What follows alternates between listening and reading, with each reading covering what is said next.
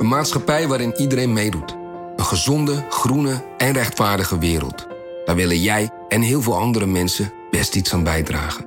In het klein en in het groot. Dicht bij huis en ver weg. Zo hebben we vorig jaar 349 miljoen euro bij elkaar gebracht. Miljoenen waarmee onze goede doelenpartners de wereld elke dag een beetje beter kunnen maken. Nationale Postcode Loterij. Samen voor een betere wereld. Wie reist met NS, reist net even anders. Wij reizen groen, zonder moeite te doen. Oh, zo kan je dus ook een dagje weg. En wij werken in stilte. In stilte? Nou ja, met oortjes dan. Oh, Zo gaan we iedere dag vooruit. stap je ook in?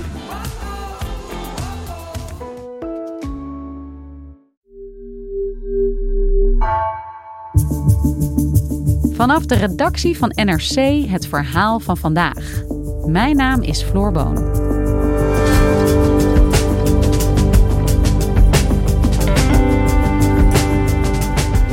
Hotelboekingsites zijn een walhalla van persoonsgegevens en daarom een interessant doelwit van cybercriminelen. Zo ook Booking.com, waar in 2016 een onbekende indringer rondneusde op de servers. Maar in plaats van creditcardgegevens zocht deze persoon iets anders. Stijn Bronswaar, Marijn Rengers en Joris Kooijman schreven een boek over Booking dat vandaag verschijnt. En daarin zochten ze ook dit uit. Wie zit er achter deze hack uit 2016?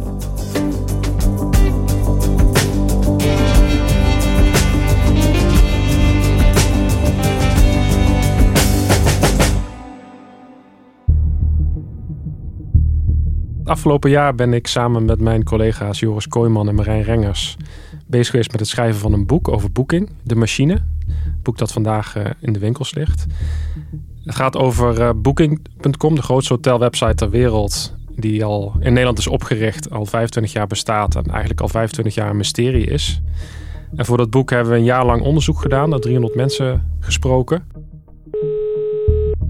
Met Stijn Bronsvaar spreek je van het eh, boekingboek. Ja, ik hoor je. Ja, een beetje... eh, En ik herinner me nog heel goed de eerste afspraak die wij hadden. En we wisten nog heel weinig van het bedrijf. We moesten echt nog, echt nog aan ons onderzoek beginnen. Was in een eh, café in Amsterdam, zaten wij daar met, eh, met iemand. Het was iemand van de security afdeling, die daar vrij lang had gewerkt. En we kunnen daar geen namen over noemen, omdat het, als je bij eh Booking hebt gewerkt, dan eh, teken je een eh, verklaring dat je niet uit jezelf met de media contact mag hebben. En hij heeft bij de security afdeling gewerkt en had daar van alles meegemaakt dat hij graag met ons wilde delen. En die begon direct een, ja, een heel spectaculair verhaal te vertellen. En toen we daar wegliepen, hadden we zoiets van: oké, hier moeten we wel mee aan de gang, maar eerst maar even uitzoeken, oké.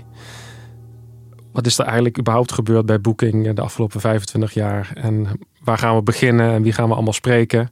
En dus eigenlijk maanden later bleef dat toch een beetje in onze achterhoofden bleef dat een beetje zeuren. Eh, we moeten daar toch mee aan de slag. En eh, we willen er ook in het boek eh, nog wat, wat dieper op ingaan. Ehm, dat het toch wel een heel interessant onderdeel van het bedrijf is. En iets wat ook denk heel veel mensen zich niet realiseren als ze die site gebruiken. Nou, wat daar allemaal achter schuil gaat. En toen zijn we er toch mee aan de gang gegaan met wat hij ons daar toen vertelde. En dat hadden we toen niet kunnen vermoeden, maar het bleek het meest spectaculaire onderdeel uit het boek te zijn. Hij vertelde dat er in 2016 een incident was geweest. Dat er een eh, onbekende persoon was eh, binnengedrongen in de servers van Booking. En dat een eh, groep, een team daar destijds twee maanden lang onderzoek naar had gedaan. Een eh, twee maanden durende speurtocht naar wat er precies was gebeurd. Dus een indringer op de website van Booking.com. Moet ik dan denken aan cybercriminaliteit? Nou ja, cybercriminelen zijn heel actief op hotelwebsites. En dat gaat eigenlijk al heel lang terug. Nou, zelfs voor het internettijdperk waren er bendes actief. Ook in Amsterdam trouwens. Die hotelfaxen stalen. Want vroeger ging dit allemaal via fax, die hotels. En werd alle informatie doorgefaxt. En dan eh, werden er eh, hotels overvallen, stapeltjes faxen meegegrist. eh, om op die manier aan die informatie te komen. En die cybercriminelen hebben zich eigenlijk mede ontwikkeld met het internettijdperk. En veel hotels zijn gewoon nog steeds, en zeker eh, tot voor kort, niet zo handig met internet. Ehm, Dus er wordt vaak ingebroken via de hotels in de bestanden om uh, die informatie van, uh, van klanten buiten te maken. En waarom die hotelsites zo interessant zijn voor die criminelen, is dat ze heel precies weten waar jij bent en daardoor hele gedetailleerde informatie over jou hebben. En dat gaat natuurlijk heel veel. Zo'n hotel weet, weet heel veel over jou. Ze weten wie je bent, ze weten je geboortedatum, ze hebben je creditcardgegevens. Dus dat is heel interessante informatie. Er zijn niet zoveel websites waar jij, als je dingen inlevert, dat je echt alles moet, alles moet vertellen. En dat geldt wel als je een hotel boekt. Dan geef je al je persoonlijke gegevens af en je financiële gegevens tegelijk. Ja, ik heb me dus eigenlijk nooit zo gerealiseerd dat je al die gegevens gewoon maar weggeeft op zo'n site. Wat, wat doen criminelen daar dan allemaal mee? Die cybercriminelen gebruiken eigenlijk die data om zich voor te doen als de hotels. Dus als jij een hotel boekt op woensdag in Londen, dan krijg je op dinsdag een berichtje. Hey Floor, hier hallo met eh, Hotel X. Leuk dat je morgen komt. Kan je vast eh, even een aanbetaling doen van 10%, eh, want dat is hoe wij hier werken. En dan heb je dus echt het gevoel dat je met zo'n hotel aan het communiceren bent. Of er werden nephotels opgericht. Dat gebeurde ook door cybercriminelen. Hotels die niet bestonden. op de boekingwebsite, waar dan mensen uh, kamers boekten, vast geld overmaakten en dan daar uh, aan de balie stonden en dan bleek het hotel niet te bestaan. Dat soort trucs zetten ze in om eigenlijk voor te zorgen dat mensen betalingen deden, dus geldbetaling. Wat vernuftig allemaal. Ja, in 2014 was er een groot incident. Bleek er dat een criminele bende echt zo vernuftig bezig was dat ze een heel callcenter hadden opgericht. You made a reservation through uh, booking.com to stay at our hotel on the 8th of September until the 12th. I just wanted to check that uh, your plans hadn't changed and that you were still coming to stay with us on the 8th. Is, is that correct? It's correct, so yeah, yes. I'm going. So I will send you a... Waar mensen werden opgebeld, dus echt via een callcenter, door, zogenaamd door hotels. Uh, maar dat waren de cybercriminelen die heel veel data van boekingen hadden gestolen en daar waren mensen in dienst die dachten dat ze namens hotel spraken. En uh, mensen gewoon opbelden en zeiden hallo met het hotel. En uh, we zien dat u morgen komt. Maakt u alstublieft 20% van het, uh, van het bedrag vast over. Our whistleblowers told us he had access to the personal details of thousands of Booking.com customers while working from his home in Asia for a man who claimed to be a hospitality consultant. Nee, ja, die cybercriminelen zijn eigenlijk altijd op zoek naar creditcardnummers. Maar in dit geval leek er dus iets anders aan de hand. Namelijk dat de indringers niet op zoek waren naar creditcardnummers, maar naar heel andere type informatie. En niemand meldde zich ook met klachten. Oké, okay, maar waar was deze onbekende indringer dan wel mee bezig? Ja, nou niet alleen criminelen hebben interesse in dit soort data, maar ook inlichtingendiensten. En wat zij heel interessant vinden natuurlijk in is waar mensen zijn of ook waar mensen naartoe gaan. Een voormalig security werknemer die zei tegen ons, ja, we moeten hier niet naïef in zijn. Natuurlijk willen de Chinezen weten waar de Oeigoeren zich begeven en gebruiken ze daar booking sites voor om dat te zien. En dat heeft uh, Edward Snowden, de, de NSA-klokkenluider, heeft in 2013, uh, toen die documenten naar buiten kwamen, bleek eruit dat dit gebeurde. Er was zelfs een naam voor dat programma. Dat heette Royal Conjurers, heette dat. En dat was eigenlijk een programma van de veiligheidsdiensten om hotelboekingwebsites te gebruiken.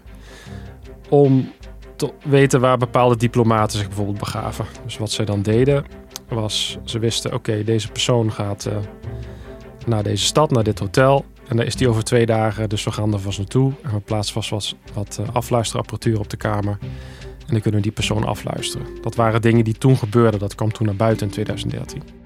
Guess who's been checking up on diplomats who've uh, checked into big hotels? Yes, British intelligence has been secret servicing the rooms of foreign VIPs at top 350 hotels worldwide, according to revelations in Germany's Der Spiegel news magazine from news leaked by Edward Snowden. Het was eigenlijk de eerste keer dat iedereen zag: oké, okay, die inlichtingendiensten zijn dus hiermee bezig. Daar zijn natuurlijk de hotelsites een heel goed instrument voor om te zien waar iedereen naartoe gaat.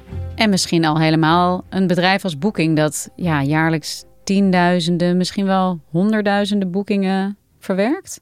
Ja, miljoenen boekingen. Ja, ja en Booking werd toen niet genoemd in die Snowden-files. Dus er werden geen namen genoemd van hotelwebsites.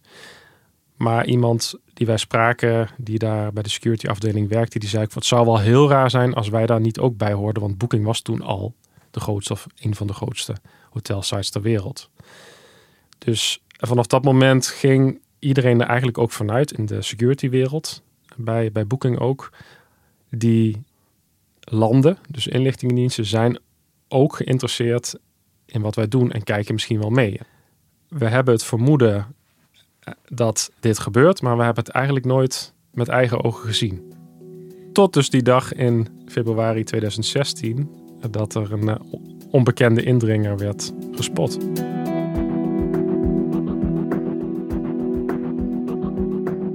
Ja, want Stijn, inlichtingendiensten, spionage. Ehm, je houdt ons wel heel erg in spanning hier. Wie was dat, die indringer daar op die servers?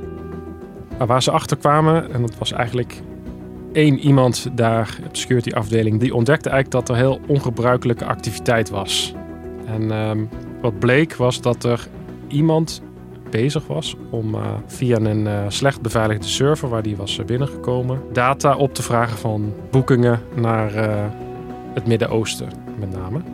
Landen als Saoedi-Arabië en dergelijke. Zonder dat die indringer dus de creditcardgegevens van deze mensen... Ja, nee, ik kon eigenlijk alleen namen zien en boekingsgegevens. Dus weten van dat Jantje en Pietje naar dat hotel in Saoedi-Arabië of Qatar gingen. En dat was iemand die dat eerst, zo gaat het dan vaker schijnbaar, eerst in kleine beetjes, dus een beetje wat dingen binnenhalen en toch steeds zelfverzekerder worden en steeds meer data ophalen, steeds meer, totdat hij tegen de lamp liep. Dat gebeurde er. Nou, wat doet Booking op dat moment? Ze schakelen de AIVD in, dus ze vragen aan de AIVD om hulp. En uh, die personen werden, van de AIVD werden in een kamer ontvangen. Daar werden de gordijntjes werden dichtgedaan om deze AIVD-mensen op hun gemak te stellen. En een van die AIVD-mensen had een uh, harde schijf bij zich. Het wikkeltje van de Mediamarkt zat er nog omheen. Dus die had dat echt net uh, op de Mediamarkt net nieuw aangeschaft. En die gaf die harde schijf aan de boekingmensen. En die zei, zet hier maar op wat jullie allemaal hebben. Dan gaan wij meezoeken. Nou, volgens gaat dat team gaat aan de slag en gaat eigenlijk zoeken, want ze willen gewoon weten wie zit hierachter. Ze vragen toestemming aan de leiding, mogen we induiken en ze gaan erin duiken. Ze gaan twee maanden lang gaan ze onderzoek doen.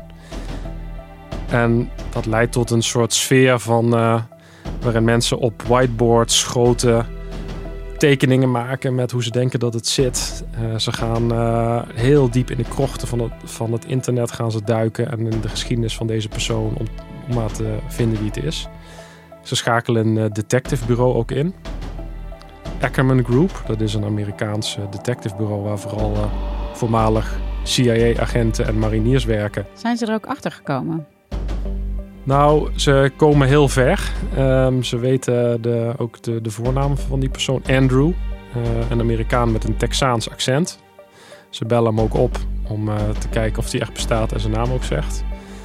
Um, en dat blijkt iemand te zijn die werkt bij een bedrijf dat werkt voor de, een van de Amerikaanse inlichtingendiensten. En zover komen ze. En iedereen binnen het security team gaat er op dat moment ook vanuit. Uh, dit is iemand geweest die in opdracht van een van de Amerikaanse inlichtingendiensten data van mensen die naar het Midden-Oosten reizen uh, heeft opgevraagd. Oké, okay, wauw. Dus sinds de onthullingen van Snowden dachten ze eigenlijk al dat ze mogelijk werden geïnfiltreerd door de veiligheidsdiensten. En dan vinden ze daadwerkelijk een spion die in hun systemen meekijkt. Wat deden ze vervolgens met die bevindingen? Op een gegeven moment wordt er verslag uitgebracht. Er gaan twee mensen van de security afdeling van het team gaan naar Rutger Prakker. Dat is de, de hoofdjuridische zaken op dat moment van Booking. Zitten in een kamertje en brengen eigenlijk verslag uit van hun onderzoek. En dan zeggen ze van, we moeten naar de Amerikaanse ambassade. We moeten hier verhaal gaan halen, want er zit hier iemand mee te kijken. En dan uh, wordt er eigenlijk gezegd van, uh, dat gaan we niet doen. Nee, we gaan hier niet uh, naar de ambassade, dat heeft geen zin. En we gaan dit niet groter maken dan het is. Uiteindelijk heeft Booking besloten dat ook niet te delen met klanten die dit betrof. De sfeer was echt het, het lekkerst gedicht en we gaan over tot de orde van de dag. Het raakt ook de omzet niet. Dat was voor Booking ook heel belangrijk. Uh, de, de, klanten merken er niks van, komen geen klachten. We gaan weer door. Dus niemand van de betrokken klanten krijgt te horen dat hun eigen reisgegevens ja, buit zijn gemaakt uh, door uh, geheime diensten in dit geval. Ook al zijn er dan geen creditcardgegevens gestolen. Maar staat ook niet in de privacywet dat je verplicht bent als partij of als bedrijf om dat te delen met je klanten? Nee, toen in ieder geval niet. In 2016 toen dit speelde. Dat is ook nog allemaal voor de GDPR, grote privacy-wetgeving. toen hoefde dat niet. Uh, eigenlijk alleen als je financiële data was, was gestolen en je dus als klant daar echt als privépersoon last van kon krijgen, als in je zou geld kunnen verliezen, dan had je dat moeten melden. Dus Booking gaat dat ook checken. Ze gaan ook checken, is het, zijn we wettelijk verplicht om dit te doen? Dat blijkt niet zo te zijn. En dan gaan ze ook advies vragen aan een advocatenkantoor. Dan kunnen jullie ons hier adviseren. En die zeggen ook nee, jullie hoeven dit wettelijk gezien niet te, te melden aan de klanten. Nou, Booking zegt ook, dat hebben wij natuurlijk ook voorgelegd, van waarom hebben jullie dat niet gedaan? En zeggen zij in een reactie, zeggen ze, wij vonden de data was niet gevoelig genoeg om het te hoeven melden. Waarmee ze eigenlijk zeggen van, uh, wij vonden dat niet nodig. Nou, je kunt natuurlijk zeggen, het hoefde misschien wettelijk niet, maar je zou wel je kunnen afvragen of klanten niet zouden willen weten of veiligheidsdiensten hun reisje naar Qatar uh, misschien uh, met interesse hebben zitten bekijken. Maar dat is meer een morele afweging. En zij hebben destijds voor gekozen dus om te zeggen van nou we doen dat uh, toch niet. Dus die klanten die dit betrof, die weten het niet. Die zullen het waarschijnlijk ook nooit te weten komen.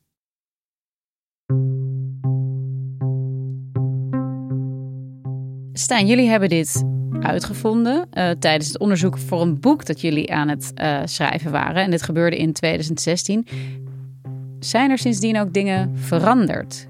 Of kan bij het boeken van een hotel via booking.com je data nog steeds zo gemakkelijk ja, gestolen worden door ofwel door criminelen ofwel dus door mensen van de inlichtingendiensten. Het is wel zo dat in 2016, en dat beschrijven we ook in ons boek, en daarom is het ook zo'n exemplarisch voorbeeld, dit. Booking is jarenlang alleen maar bezig geweest met één ding, dat is groeien. Er was daar een cultuur van we moeten vooral groeien en de rest komt verder later wel. En zoiets als uh, beveiliging en security, dat houdt natuurlijk die groei een beetje tegen. Als in, zij noemt zichzelf ook de afdeling nee. Hè, van de, moeten we dat nou wel doen en dan moeten we niet voorzichtig zijn. En, dus dat was een beetje een lastige club. Het moest allemaal snel, weet je, snel, snel, snel. En ook het feit dat daar dus een server slecht beveiligd was toen deze Andrew daar eh, binnen kon kijken, was een soort overblijfsel van een experiment dat gewoon niet goed was opgeruimd. Ze waren alweer doorgegaan naar het volgende experiment. Dat is wel echt verbeterd bij Booking. Zeker sinds er in 2019 een Amerikaanse topman zit. Glenn Vogel, die heeft echt orde op zaken gesteld daar, zou je kunnen zeggen. Die heeft eh, ervoor gezorgd dat dat allemaal niet meer kan. Dat iedereen zomaar overal bij kan. Dat veiligheidsprotocollen en zo, dat dat beter wordt nageleefd. Het is allemaal wat geprofessionaliseerd. Maar betekent dat nou dat er nooit meer iemand in jouw spullen kan kijken, dat kun je natuurlijk niet garanderen. Het is net zoals met je fiets eigenlijk. Als je je fiets op slot zet, als ze hem echt willen hebben, dan stelen ze hem wel. Maar je kan ze ook lastig maken door je fiets extra goed af te sluiten. Dus je weet nooit, als je je fiets heel goed op slot zet, weet je nooit zeker of die toch niet gestolen wordt. Ja, ik, ik, ik denk ook een beetje van, uh, betekent dit dan dat ik misschien beter bij een hotel zelf kan boeken, wat dat betreft? Hè? Of ter veiligheid van mijn eigen gegevens dan bij zo'n site als booking.com? Of maakt het eigenlijk niet zoveel uit? Ja, kijk, de kans dat een hotel op de hoek, zeg maar, een slechte beveiligde site heeft dan Booking, lijkt me wel vrij groot. Uh, tegelijkertijd zijn die grote bedrijven natuurlijk wel veel interessanter voor dit soort diensten een site als Booking, die 28 miljoen hotels zijn aangesloten, dat is wel echt een goudmijn voor, voor cybercriminelen en uh, inlichtingendiensten blijkbaar. Dus uh, als jij uh, bij een lokaal hotelletje boekt, denk ik niet dat er een Amerikaanse inlichtingendienst heel geïnteresseerd is in jouw data specifiek. En dat is ook het interessante dat wij als we met die security mensen praten, dan zeggen ze, zijn ze helemaal niet zo opgewonden hierover.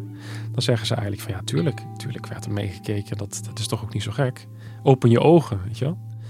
Terwijl wij uh, zelfs iets hadden van wow, dit is toch wel toch best wel groot. Maar in die wereld, ja, vinden ze dat naïef. Ja.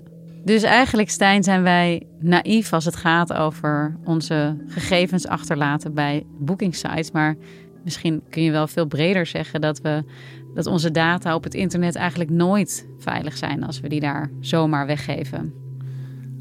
Nou ja, daar zijn we ons natuurlijk steeds bewuster van worden.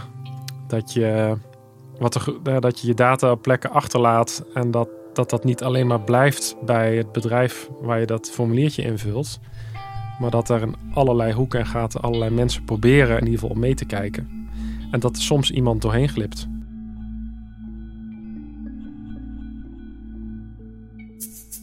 Dankjewel, Stijn. Alsjeblieft.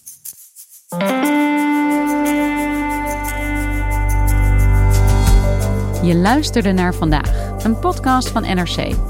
Eén verhaal, elke dag. Deze aflevering werd gemaakt door Julia Vier en Jeroen Jaspers. Dit was vandaag. Morgen weer.